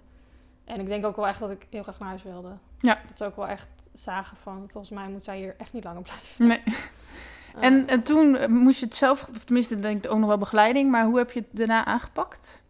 nou, dat was echt het zwaarst. Dat, hoe ik het heb gedaan, ik vraag me nog steeds af. Mhm. Maar ik heb het echt zelf moeten doen en dat vond ik echt zwaar. Want ze zeggen er is nazorg. Nou, ik weet niet wat ze daar precies mee bedoelen. ik had wel van de crisisdienst dat ik kon bellen en zo, maar ik... Ik weet niet, ik zat laatst te denken, waarom staat er niet iets van herstelcoach of zo? Weet je wel? Iemand die dit ook heeft meegemaakt en die gewoon een beetje op sleeptouw kan nemen. Kijk, niet helemaal, niet helemaal aan de hand nemen, maar een beetje dat je denkt, nou, er, er is, het, het komt goed, weet je wel? Mhm. Ehm, maar ja, iedereen zegt het kost tijd. Nou, dat denk ik ook wel. Ik denk dat ik nu wel een half jaar aan het herstellen ben of zo. Ehm, oh ja, nou wat wel belangrijk is. Ik ben eh, zelf op zoek gegaan ook naar andere hulp. Ja. En dat moest wel, want anders kwam ik echt niet verder. Dus een coach, die ik ook ken, die doet NLP. Maar hij praat ook echt gewoon vooral echt, ja... Als ik ergens mee zit, gaan we dat helemaal uitdiepen. En, en, en het is allemaal positief. En ik weet dat als ik nu hulpverlening nodig heb, mag het alleen maar positieve benadering zijn. Dat zeg ik ook, want anders word ik alleen maar naar beneden gehaald. Mhm. En dat wil ik even niet meer. Nee. Dus hij helpt me daarbij en dat is fijn. En een structuurcoach. Want ik dacht wel, ja, ik heb wel een beetje structuur nodig. Mhm. Uh, maar hoe ze dat deden bij de GGZ was ik niet blij mee. Ik kreeg gewoon een blaadje en moet je invullen. Maar weet je, bij iedereen past iets anders. En Ja. de structuurcoach kijkt met mij echt, wat past bij jou? Ja. Dus de ene keer maken we echt een hele planning. Ik zei, nou, dat werkte niet. Nou, dan op het thema. Eigenlijk wilde ik haar graag erbij, omdat ik dacht van, ik wil wel weer een beetje dat iemand me een beetje steunt op hoe ik mijn werk ga doen. Ja. Dus daar helpt ze mij bij. Ehm, en dan heb ik gevonden de Herstelacademie in Utrecht. Eh ENIC heet dat. En eh, dat was de beste keuze tot nu toe. Mhm. Dus om echt alleen maar onder de mensen te zijn die ook iets hebben meegemaakt. Die zijn opgeleid tot ervaringsdeskundigen. Waar ik ook echt mee kon sparren van... hé, hey, ik zit hiermee in de hulpverlening. Hoe kom... Ja, kunnen jullie mij helpen? Nou, niet per se helpen, maar van, dat iedereen zegt... oh, dat heb ik ook meegemaakt. Ik heb ook hele nare ervaringen daar. En, en dan kon je daar gewoon over praten. En dat was echt zo fijn. En daar zijn heel veel cursussen en iedereen kan meedoen eigenlijk. Mhm. Ze zeggen eigenlijk wel als je dan een soort crisis hebt meegemaakt. eh maar zo bijvoorbeeld mindfulness ga ik dan doen. En nu heb ik dus net eh, de RAP, Wellness Recovery Action Plan. Dus dat is een soort, ja, voor mensen die dat kennen, een uitgebreid signaleringsplan. Maar dan echt een dik boek. En ehm, dat wordt eigenlijk een soort, als je het echt goed doet, wordt een soort levensvisie. Ja. Dus, en daar heb ik, ik heb dat acht weken gedaan, maar aan het begin was ik nog wel een beetje, ja, voelde ik nog helemaal niet goed in mijn vel. Dus ik wil hem wel nog een keer doen. Mhm. Uh, maar ik snap wel een beetje hoe het werkt in verschillende fases van dat je slecht kan voelen en hoe je dat zelf eigenlijk vooral op kan pakken. Ja. Eigenlijk eh, gaat echt doet precies het tegenovergestelde wat de GGZ doet. Dus echt je eigen regie en hoe doe je dat? En, en echt een plan schrijven, ja, ik vind dat echt heel goed. En dat had ik echt nodig. En wat staat er in jouw plan? Nou, ik ben hem nog aan het maken. Oh. maar uh, dit heeft heel veel facetten. Maar Mhm. uh, het grootste wat ik heb geleerd, bijvoorbeeld bij somberheid, dat het er mag zijn. Mhm. En ik denk echt, dat, ik ben wel blij dat ik het zelf heb ontdekt, weet je wel. Dus dat je dan niet zo, het heel veel, wat moet ik nou doen? Dat heb ik ook aan iedereen gevraagd. Maar ik was wel echt, ik heb alles uitgeprobeerd. En dat is misschien alleen maar goed. Van echt er tegen vechten en eh, toch maar dingen doen. En, en soms denk ik gewoon, nou, het is gewoon een slechte dag. Ik ga gewoon lekker series kijken dag of zo. Mhm. Dus daar ben ik nu mee bezig en dat helpt. Dus gewoon elke keer aanvoelen, ga ik nu iets doen om eruit te komen? Ja. Of ga ik juist rust nemen? Ja, Ja. en bij mij is echt, en ik schaam me er al wel voor, maar Mhm. mijn grootste probleem is uit bed komen gewoon. En, en ja, sommige mensen kunnen dat dan niet begrijpen, maar het is echt dat je uit bed komt en je denkt, ja, wat, moet ik weer zo'n dag? Terwijl slapen vind ik echt heel fijn. Maar Ik eh, ken het probleem heel Ja. goed. oh, maar ja, dat is echt, oh, en dat, daar ben ik constant eigenlijk mee bezig van, hoe ga ik dit nou weer oppakken? En dan denk ik, oké, misschien ook maar weer milder zijn van, oké, het is maar zo, ik heb wat langer geslapen. Mhm. Maar ja, dat vind ik heel moeilijk. Ik denk dat het ook met perfectionisme te maken heeft. Van dat kan niet. Er moet gewoon tijd op. Zoals iedereen. Mhm. En hoe laat sta je dan nu gemiddeld op? Durf je dat te zeggen? Nou, soms om 11 uur of zo. Oké. En maar hoe laat ga je naar bed? Een half één misschien. Ja, maar dan ben je toch ook Ja. gewoon een avondmens? Dat is toch Nou, niet erg? Ja, dat is dus... Ja, ik denk ook wel dat ik nooit echt een ochtendmens ben geweest. Maar ik vind het zelf gewoon... Ja, ik, ik leg mezelf denk ik wel heel veel op. En, Mhm. en daar heb ik het ook wel met veel mensen over. Van, ik vind gewoon dat ik net als iedereen... Of eh, het idee dat ik veel om acht uur op moet staan. En, eh, maar ja, ik heb natuurlijk ook geen normaal werk. Dat. Dus en, dat ligt er ook zo Maar en van die mensen die dus wel ochtendmensen zijn, die doen 's ochtends heel veel, maar die zijn s'avonds storten ze in, zeg maar. Ja. Nou, jij doet s'avonds waarschijnlijk heel veel. Dus uiteindelijk ben je gewoon gelijkwaardig. Het zijn alleen andere tijden dat je leeft. Ja, dat klopt wel. Maar ik merk wel dat het sinds mijn depressie wel meer is geworden. Dus dat, Mhm. ik zou, als het kan, zou ik het wel iets willen terugschroeven. Ja. Uh, maar ik merk inderdaad voor mijn werk, en dat heeft ook een keer hulpverlener tegen mij gezegd: van ja, jouw werk is wel jouw kracht, maar ook een beetje jouw valkuil, weet je wel. Want ja, je hoeft niet om negen uur op kantoor te zijn. Nee. dus dat is wel een beetje.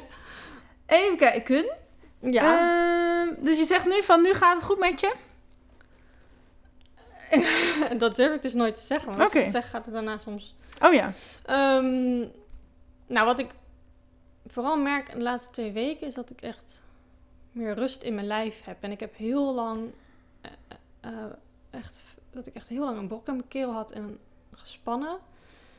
Eh, en, en dan ga ik ook denken, wat is er aan de hand en zo. En dat heb ik nu minder. Mhm. Ik weet niet waardoor het komt. Eh, maar ik ehm, ben wel dus die depressie minder aandacht gaan geven. Ik ben met een collega ga- gaan mediteren.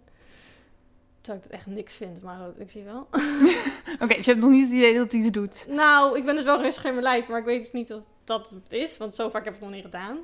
Oké. Ehm, maar ja, ik geef wel alles een kans. Ik probeer wel echt alles uit. Omdat ik denk, ja, er moet toch ergens iets zijn. En ja, wat iedereen zegt, mild zijn naar jezelf. Ja, ik werd er eerst bekot misselijk van. Wat Mhm. iedereen het zei. Maar nu denk ik, ja, het is wel waar. het heeft geen zin om telkens boos op mezelf te worden als het iets niet lukt. Of als, het, als ik niet kan opstaan. Of... Ja. ja. Oké, dit hebben we ook al een beetje van tevoren besproken. Ehm, nou, hier staat als vraag: moeten we depressie wel een depressie willen noemen? Maar ik zal hem nog even Ja. uitleggen waar, wat ik met die vraag bedoel. Ehm, maar sowieso, alle mensen, die, niemand is 100% van de dag vrolijk, zeg maar. Mhm. Eh, denk ik tenminste. Je weet het niet, maar de meeste mensen hebben wel ups en downs, zeg maar. ja. Ehm, en ja, depressie, dit, dit heb ik ook een beetje van Edwin Selei, zo'n hypnotherapeut waar ik heel erg fan van ben. Mhm. Eh, hij zegt van zodra je diagnoses gaat stellen, Mhm. psychische diagnoses, dan, ja, ook al wil je het niet, je gaat je er misschien ook een beetje naar gedragen, zeg maar. Ja, dat is zeker.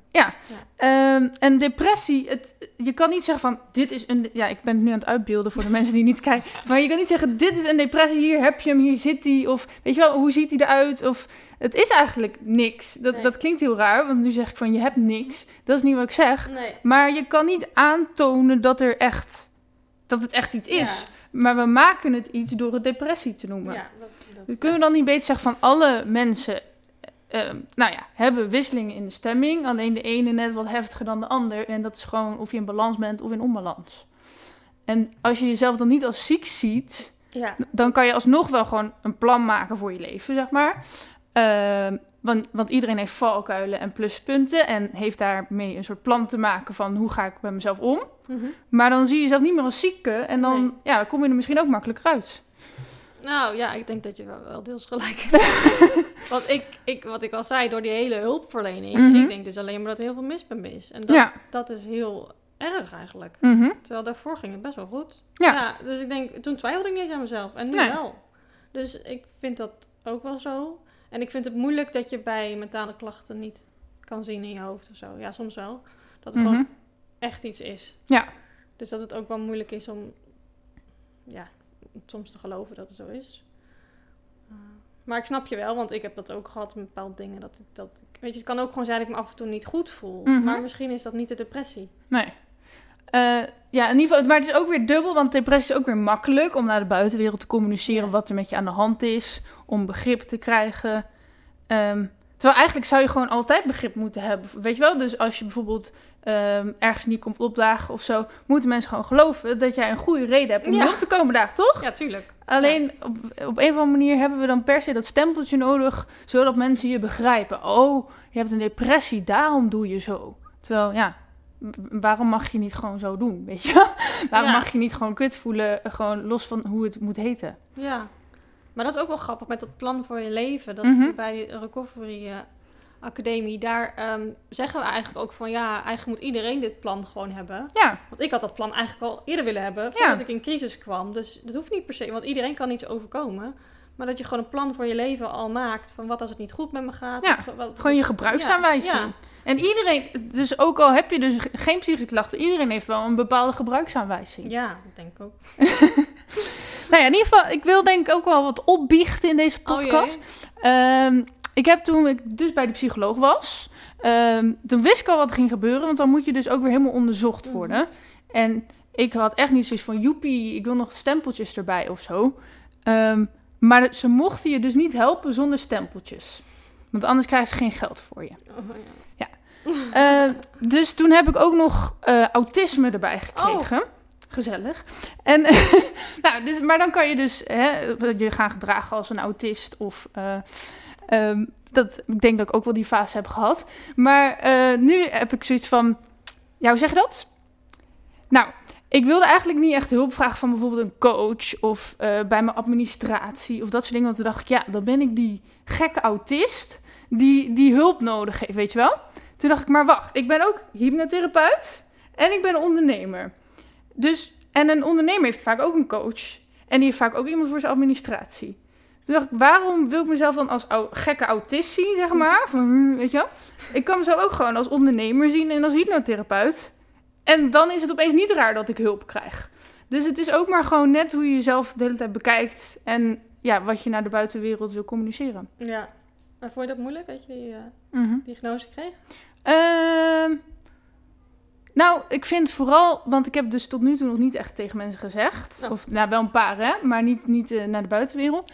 Omdat, eh, nou, ik heb ook ADD bijvoorbeeld, maar die is niet zo, dan denken mensen, oh ja, iedereen heeft ADHD, weet je wel. Maar autisme, dan, dan gaan mensen gelijk gewoon anders met je om. Ze gaan gelijk tegen je praten alsof je, ja, niet helemaal spoort. nou, en vandaar dat ik met, met dat openbaar maken ja, dat, dat kies ik heel zorgvuldig uit wie ik dat wel of niet zeg. Maar nu dus niet meer. Maar goed. Maar ehm, omdat, ja, anders dan kunnen mensen die gaan echt doen alsof je gek bent of niet slim bent of dingen niet snapt of zo. Ja. Maar dat is dus helemaal niet zo. Nee. ja, ik snap je heel goed. Ja. Maar ik dacht, nou, nu we het er zo openbaar over hebben gehad, denk ik dat mensen die tot nu toe hebben geluisterd dit ook wel kunnen begrijpen. Ehm, mm, mm. Ja, waarom vind jij openheid over depressie zo belangrijk? Ehm, waarom? dat is een moeilijke vraag. Ehm, ik denk ook wel omdat ik toen ik 16 was ehm, tegen weinig mensen hebben verteld. En ik me denk heel eenzaam heb gevoeld. Mhm. En ik merkte een beetje, het is niet echt een vooropgezet plan geweest, maar ik merkte het een beetje dat mijn moeder die had het dan tegen de familie verteld en iemand anders zou misschien boos worden van, hè, waarom vertel je dat? Maar ik kreeg daardoor allemaal kaartjes en zo. En dat vond ik super lief. Mhm. Terwijl, ja, dat, dat, ik waardeer dat echt heel erg. En toen dacht ik ineens, wow, eh, mensen denken echt aan me of zo. Op, op die trant, net als dat je iets, een ongeluk hebt gehad of zo. En, en toen dacht ik ineens, ja, ah. Dat ging die mensen ook, ook eh, een bericht sturen van dankjewel en zo. En, eh, en daar, ik denk dat het daar een beetje begon. En ehm, ja, waarom? Ik zou het gewoon heel vervelend vinden als er heel veel mensen met een depressie thuis zitten en alleen, want dan heb je ook nog eens misschien last van eenzaamheid. Ehm, ja, terwijl er, ik denk, in deze tijd echt veel meer begrip voor is dan dus bijvoorbeeld tien jaar geleden. Toen ik op de middelbare school zat, was het echt wel anders. Ja. Wisten ook mensen niet wat het was en hoe je mee om moest gaan en zo. En ik denk dat de maatschappij er op zich best wel eh, ja, oké mee is. Ik heb geen enkele gekke reactie gekregen. Nee. En ook niet mensen die vonden van, nou, komt ze weer met de depressie of met de zielige verhaal of met de aandacht. Nee, dat denk ik niet. Oké. Nou ja, wel eens dat ik eh, wel vaak negatief en dat heb ik wel een paar keer gehoord. Mhm. En dat deed me eerst wel pijn, maar ik dacht daarna van ja, weet je, misschien heb je wel gelijk. misschien moet ik het ook proberen wat meer, minder aandacht te geven. Ja. Dus dat kwam daar ook wel door. Ja, ik. ehm, Oké, vroeger toen ik zeg maar 13 was en eh, de, jaren daarna, eh, dan was ik ook echt heel negatief natuurlijk. En toen heb ik zelf heel veel, eh zelf veel boeken gelezen, heel veel coach gevolgd. En dat was allemaal vanuit positieve mindset, psychologie. En dat heeft me ook heel veel gebracht en heel erg geholpen. Ehm, maar op een gegeven moment heb je zeg maar alle methodes en tools en dingen geleerd.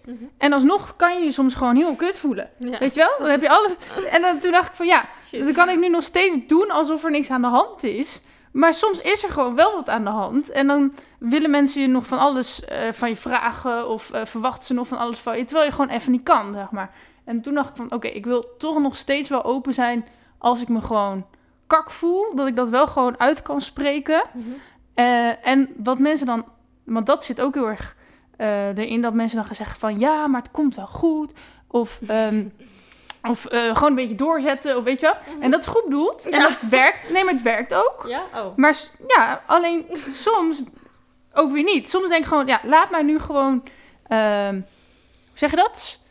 Laat het gewoon even kut zijn en Ja. accepteer dat gewoon. Wil het niet gelijk voor me oplossen of zo. Dus Ja. daar is telkens de balans van. Soms moet je positief zijn en doorzetten.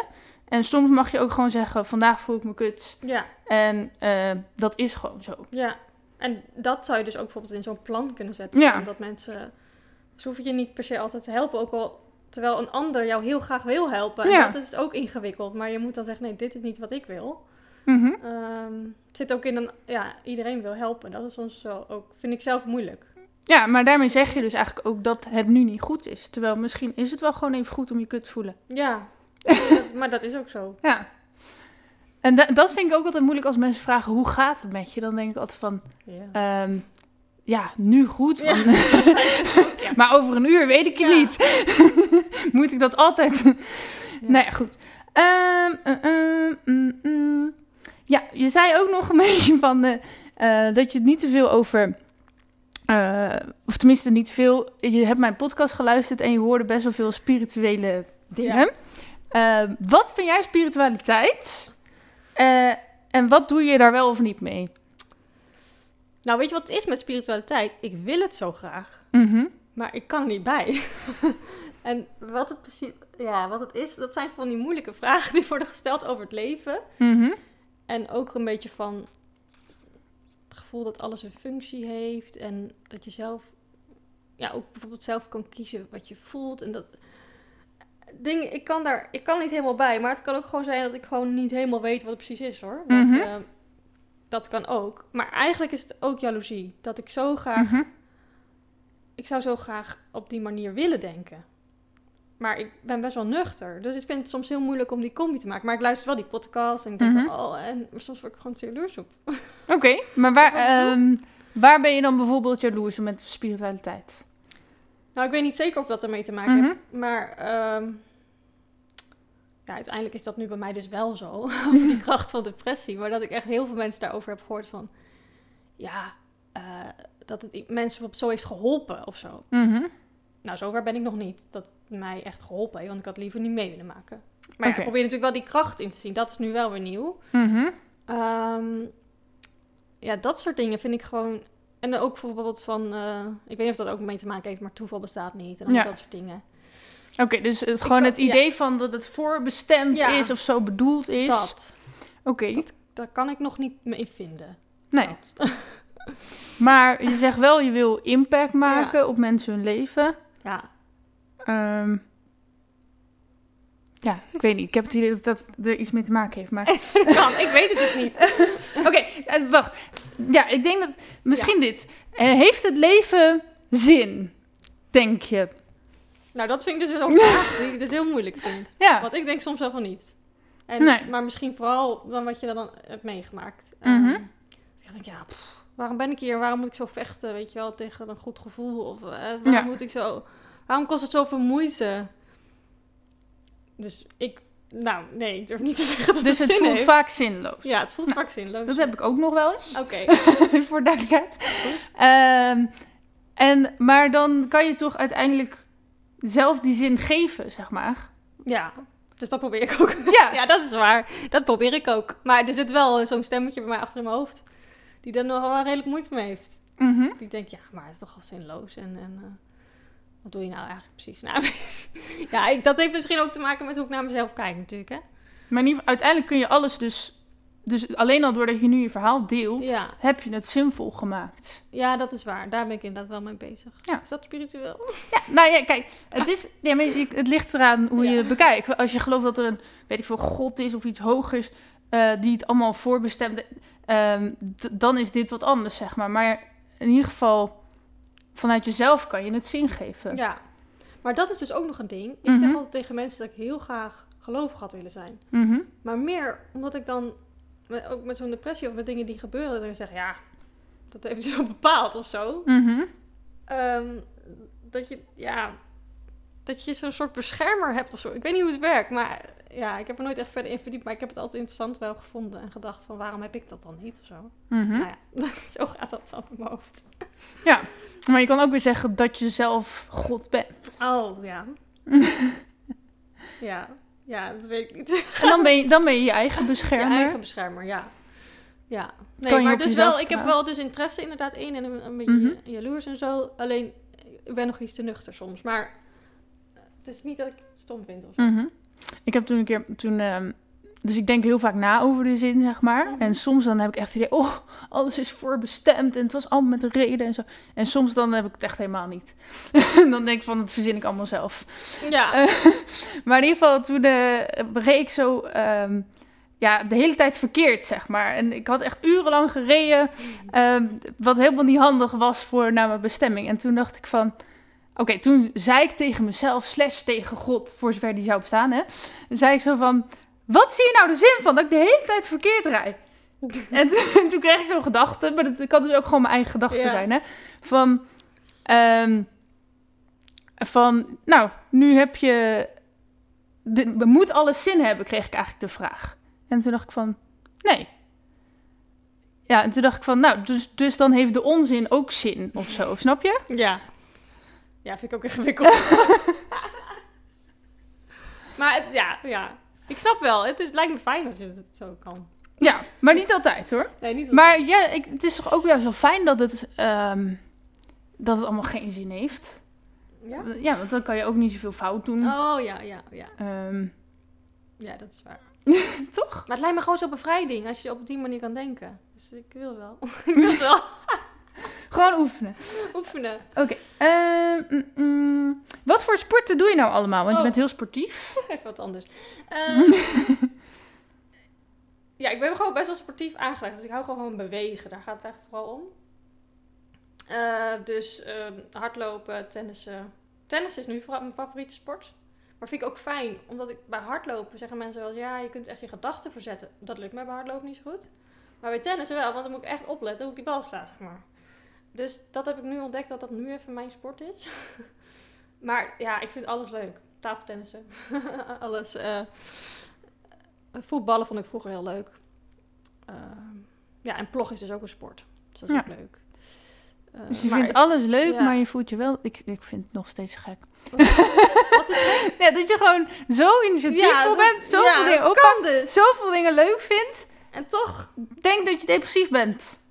Ja, maar al die dingen vond ik niet meer leuk. Dat is ook bij depressie, hè? Dan vind Ja. je het niet meer leuk. Dus ik heb ook nee, niet maar nu vind je dus het sporten wel leuk. Ja. Oké, dus dan kunnen we concluderen dat het beter met je gaat. Ja, dat is zeker zo. Dus het sporten is weer leuk. En ik ben altijd, ja, ik wil dus leefstijlcoach worden. Want ik was altijd heel erg bezig met eh, ook gezonde voeding. Nu dus wat minder, maar dat komt wel weer. Mhm. Ehm, en met dat, ik vond bijvoorbeeld zo onzin dat mensen op het station de roltrap nemen en zo. Dus dat zeg ik altijd tegen mensen. Nou ja, dan pak je gewoon de trap, ben ook nog sneller. dus dat soort, dingen, dat soort kleine dingetjes die je dan kan veranderen in het leven, dat, dat vind ik nog steeds heel interessant. En dat is ook iets wat ik zelf doe. Misschien onbewust, dat ik altijd de fiets pak en gewoon, ja, dat je gewoon in je dagelijks leven meer kan bewegen. Dat vind ik eigenlijk het belangrijkste. Maar ik denk eigenlijk dat jij al best... Ja, misschien heb je dat ook de afgelopen tijd geleerd. Ja, Maar je weet al best wel veel over hoe je jezelf goed kan voelen. Door beweging, door gezond eten, door meer in de natuur te zijn. ja maar dat doe ik niet altijd. En ik zeg niet dat dat Oh. maar ik bedoel... Je, je hebt wel al die Ja, wijsheid al ja. in je. maar dat is ook wel wa- wat ik al had. Ja, maar. dus misschien had je dat wel meer dan al die hulpverleners bij elkaar. Wat? Ehm, die wijsheid, hoe je jezelf kon helpen. Oh, zo, ja. Want ik zei ook al tegen iedereen, ja, gezonde leefstijl, dat is echt eh, ook voor je mentale... Ja. Ja. Ehm, ik had nog meer vragen, maar volgens mij... Oh, ze zijn verdwenen. Ehm, nou, dan moeten we... het- We hebben nog een kwartier. Oh. ik had nog meer dingen opgeschreven, maar zijn weg. Dus ik moet even nadenken wat ik nog meer aan je wilde vragen. Ja, wat is nou je grootste boodschap voor de wereld? Hmm, wat is mijn grootste boodschap?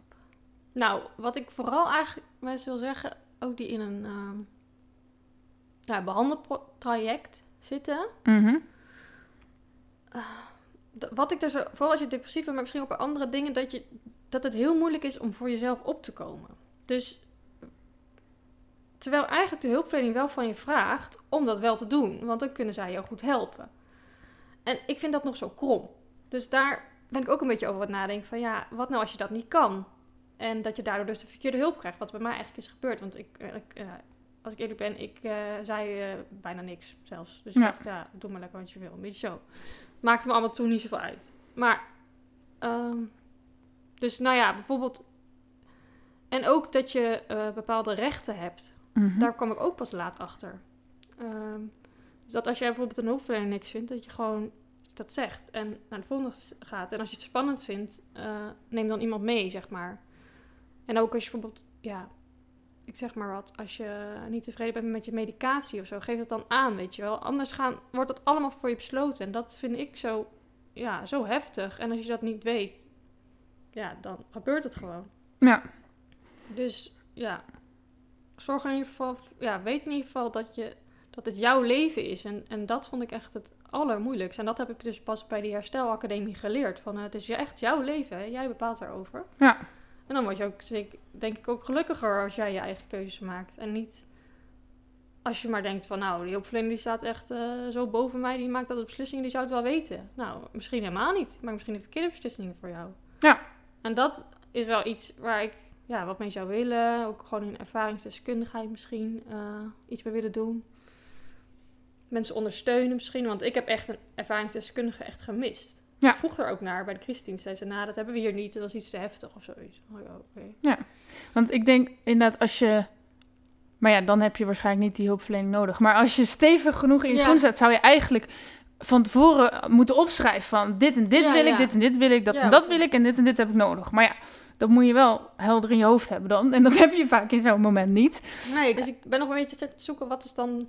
Ja, maar dan Juist. is in ieder geval iemand, dus een soort van advocaat voor, voor de, degene die hulpbehoevend is, zeg maar. Ja. Die echt gaat kijken, wat heeft deze nou echt nodig en hoe kunnen we voor zijn of haar rechten opkomen. Ja, misschien dus dan een ervaringsdeskundige die Ja. ernaast staat of zo. Dat inderdaad. Want eh, familie kan soms ook wel lastig zijn. Die kan Maar- ook andere dingen willen dan je. Ja, dat inderdaad. ja, klopt. Dus wel iemand die er ver genoeg buiten staat. Maar ik merk ook, gewoon als ik naar mijn huisarts ga of zo, Ja.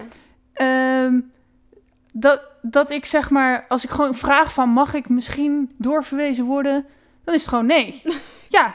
En als je gewoon zegt, ik wil daar en Ja. daardoor, dan, dan word je gewoon er naartoe gestuurd. Ja, dus, oh, ja. Dat is Dus zo- ja. ja. ja, het lijkt wel alsof je gewoon heel, eh, heel duidelijk moet zeggen: dit wil ik, dat wil Ja. ik, zus wil ik, zo wil ik. En dan gebeurt En dan het. gebeurt het. Maar als je dus wat minder mondig bent, dan ja, gebeurt dat niet. Ja, ja.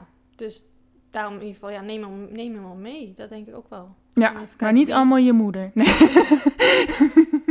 nee, het- nee, maar gewoon niet iemand die heel dichtbij je staat, want die, die gaat het toch anders bekijken. Die kijkt je ook nog als, Ja. ehm, als eh, klein of weet je wel. Ja, en ik ben wel echt... Ik krijg wel wat verhalen van anderen, maar ik ben toch ook wel echt benieuwd of er mensen zijn die ook zo hebben meegemaakt dat ze eigenlijk... Ja, dat het eigenlijk nog slechter met ze ging, zodra ze de hulpverlening kwamen. Want ik denk, wat zal, ik denk het wel, maar... Ik, ik- ja, het is ook een soort oproep. Ja. ik denk van, ik ben... ik- Ja, ik wil die mensen misschien ook wel spreken. Van, hoe heb je dat ervaren? En het lijkt me alleen maar fijn als je iemand spreekt die dat ook heeft. En wat zijn nou je plannen voor de toekomst? Nou, daar durf ik sinds kort pas weer een beetje over na Mhm. te denken. Ehm, maar, nou ja, wat ik heb ontdekt is dat ik... Ik heb mijn hele leven een beetje, hoe noem je dat? Gereserveerd geleefd. Dus als in, eh, nou, is bij mijn ouders, dan een lange relatie en dan, ja, een beetje, ik noem het een beetje beschermd. En nu ben ik een beetje los. en nu denk ik, Unlocked. ja, unlocked. Dan denk ik, oké, wat wil ik nou eigenlijk? En dingen die ik voorheen misschien niet durfde, zoals eh, een reis maken of zo, eh, denk ik nu ineens wel aan. Dus allemaal dat soort dingen van, ja, misschien een, een, een lange reis of vrijwilligerswerk. Ik vind het dan zo bijzonder dat dat dan nu ineens naar boven komt. Dat dat toch, er zit ergens iets avontuurlijks in mij, zeg maar. En dat heb ik heel lang, denk ik, onderdrukt. En ook omdat ik niet durfde, of omdat iemand zei, moet je dat nou wel doen? Of ja, ik heb altijd gewoon heel veilig geleefd. En ik wil gewoon wel wat meer los, wat meer losgaan of zo. Ik vind ondernemen echt niet veilig, maar goed. Nee! Oké, nee, is niet veilig. Nou, ja, daar heb je het ook nooit over. Eh, ondernemen, ja. Ja, en ik wil gewoon... eh, ja, het lijkt me wel tof om ergens in het buitenland iets op te zetten met mijn bedrijf. Ja, Hetzelfde te doen. maar voel je niet... eh, ja, dat ben je nu ook al mee bezig Ja. met dat je de hulpverlening eigenlijk zou willen veranderen. Oh ja, dat. Maar zou je daar niet meer een bedrijf in willen of zo? Nou ja, dat heb ik wel. Dat zeg ik wel al een tijdje. Ik zit wel te kijken naar. eh, want ik heb sociaal werk gedaan, dus ik hoef maar een, volgens mij alleen een cursus te doen om eh, ervaringsdeskundige te worden. Mhm. Dus daar zit ik wel naar te kijken. Ik moet wel zeggen dat allemaal mensen om mij heen dan zeggen: eh, Moet je niet eerst aan jezelf werken? Oh ja. Ja, is misschien ook zo, maar ik denk misschien helpt het wel juist. Ja, maar ben- dat had ik nog als vraag Oh. opgeschreven. Wanneer ben jij volgens jezelf genezen? Want je zegt dit, ik ben met mijn herstel bezig. Ja. Ik ben met mijn herstel bezig. Ja, dat weet ik niet. Oh, nou, eerst was ik echt ook echt aan het tellen hoeveel dagen ik dan goed Uh-huh. met me ging. Nou, dat doe ik ook al niet meer. dat helpt ook wel. Ehm, ja, dat ben ik echt nog aan het... Ja, ik vind dat moeilijk, want heel veel mensen zeggen natuurlijk ook... Ja, je bent nooit eh, klaar. Ja. En met die persoonlijke ontwikkeling ben je ook nooit meer klaar. Dan denk ik, nou, lekker dan. ja, maar ik help Maar dus ook mensen. Terwijl Ja. ik zelf me ook nog heel vaak Ja, heel kut nee, voel. Maar daardoor kan ik juist mensen goed helpen. Ja, ik denk juist ook dat, eh, dat mijn kracht zou zijn. Ja. Dat ik mensen goed kan begrijpen en... eh, Te- Kijk, het enige wanneer ik vind dat je geen mensen zou mogen helpen... is als je een gevaar bent voor die mensen. Weet je Ja. wel? Dat je zegt, spring maar van de flat af of zo. nee, dat maar zolang je goede intenties hebt... kan je volgens mij altijd mensen helpen. Ja, En, en stel dat het echt even heel slecht met je gaat... dan zeg je je afspraak af, weet je wel? Of dan... Ja, precies. Ja. Nee, ik, ik weet nog niet zeker of ik wil in ieder geval graag een cursus of een opleiding doen. Mhm. En dan eens even gaan kijken wat, wat ik dan precies wil. Want ik kan natuurlijk denken van, oh, ik ga een soort wraak nemen en dan ga ik terug en dan ga ik eh, daar eens even werken. Nou ja, dat is de vraag of ik dat zou willen. Mhm. Maar misschien wel wat ik eh, voorheen altijd wilde, was dus met mensen in beweging zijn en dan praten. Een beetje, ja, dus de leefstijlcoaching. Dat, en daar heb ik altijd al wel gedacht in mijn achterhoofd, dat kan ook iets worden met mentale klachten. Eh, maar heel vaak vond ik dat toch, toch nog te heftig. En nu denk ik eigenlijk, ja, ik heb zoiets heftigs meegemaakt, misschien kan ik het allemaal wel aan. Ja. Zo. En, maar ook wat je al doet met, Ja. het, met het af... het- misschien zijn die mensen ook wel depressief, hè? Maar praten ze er niet over? Ja. Of hebben ze andere psychische Oh, die klachten? meedoen bedoel je? Ja, Ja, dat zou kunnen. dat weet je helemaal niet. En in ieder geval... Of misschien zorg je er wel voor dat ze minder snel depressief worden. Ja, je kunt ook blogging coach worden. Ja. En daarnaast, je verbindt mensen. Dus eigenlijk ben je er al gewoon heel veel mee bezig. Mm. Ja, dat is wel waar. ja, en ik heb ook wel veel mensen om me heen die ook wel iets hebben. En dan praat ik daar ook wel over. Dus ja. Ik weet niet, ik eh, ben die van het uitzoeken. Het daarop houden. Ehm, gevoelig onderwerp nadat we hebben gepraat over suicidaliteit. Maar hoe zou je willen dat mensen je herinneren als je bent overleden? Oh, die, die opdracht heb ik van mijn coach ook gehad. Maar ik heb hem nog niet gemaakt. Dan kan je hem straks overtypen van deze podcast. Ja, ehm,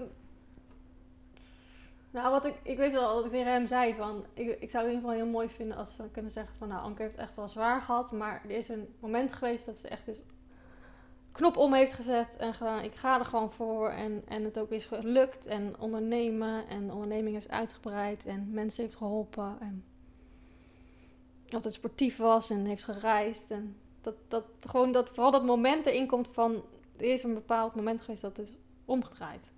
Dat heeft ze zelf gedaan. Ja. of zoiets. En heb je dat moment al bereikt, denk je? Hmm. Ja, ik weet, dat durf ik niet.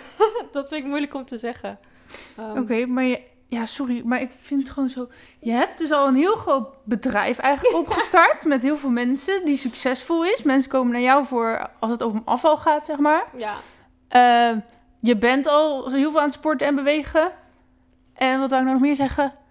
Ehm, nou ja, eigenlijk alles wat je noemt, dat doe je al, toch? ja, maar ik heb wel echt nog soms heel slecht, zeg maar. Dat is niet Nee, wat je- nu naar boven komt. Mhm. Nee, maar je, dan voel je je misschien zo. Maar gewoon in de praktijk doe je dus al ja, wel. dat, ja. Ja, ja dat, dat doe Ja, ik doe wel al veel, ja. Maar ik, ja, ik denk niet dat het betekent dat het dan gelijk goed met je gaat. Maar Nee, dat is het, ja. ja. Ja. Dat klopt. en eh, je, ging laatst ook eh, met de fiets, zag ik. Ja, Ging je alleen op reis? Dat ga ik binnenkort weer doen. Ja. Ja, ik wil dus gewoon graag geïnspireerd wo- worden. Maakt me eigenlijk helemaal niet uit. Ja, het maakt wel een beetje uit over de interesses die ik heb. Maar, eh, en dan op de fiets. Dat, ik heb laatst stuk ook gefietst. En toen dacht ik, ja, lekker. ik ga gewoon lekker fietsen. En ik hoef niet per se ver weg. Maar ik wil gewoon mensen ontmoeten. Ja, daar word ik ook blij van. Mensen, nieuwe mensen ontmoeten en hun verhaal weer horen. En ja, lekker sociaal bezig zijn. Ja, en dan eh, ging je mensen interviewen op die fiets of zo? Ja, ik ben nog een beetje aan het kijken wat er precies wordt. Mhm. Normaal, zeg maar, mijn oude ik zou dus alles precies helemaal vooruit plannen. Mhm. Maar ik heb dus bedacht dat ik dat wat minder aan het doen ben. Dus een beetje zie hoe het gaat. Ja. Dus iemand die ik ken, die zei al, ik heb wel microfoontjes, dus ik kan het wel bij hem zo uitproberen. En dan kijk ik wat het is. En de andere keer maak ik misschien weer een blog of zo, ja. Ik heb geen idee. Superleuk. Het heet herstellen op de fiets, heb ik het genoemd. Oké. Ja. Of gewoon, ja. Maar dan zit ik dus nog wel... Ja, Je is- mag het van mij noemen zoals je het wil noemen, hè. Maar ik zit nog wel van... Dan heb je dus het idee dat je ziek bent als je dat gaat doen. Ja, dat is waar. Misschien is het... Ja. Maar tegelijkertijd helpt dat ook wel om je doelgroep te vinden. Misschien. Ja. Ehm heb ik nog iets vergeten? Volgens mij niet. Dan wil ik alleen nog vragen... Hoe kunnen mensen jou vinden als ze meer van je willen weten? vinden. Nou, als ze iets over mijn bedrijf willen weten, kunnen ze naar sportiefinhetgroen.nl. Mhm.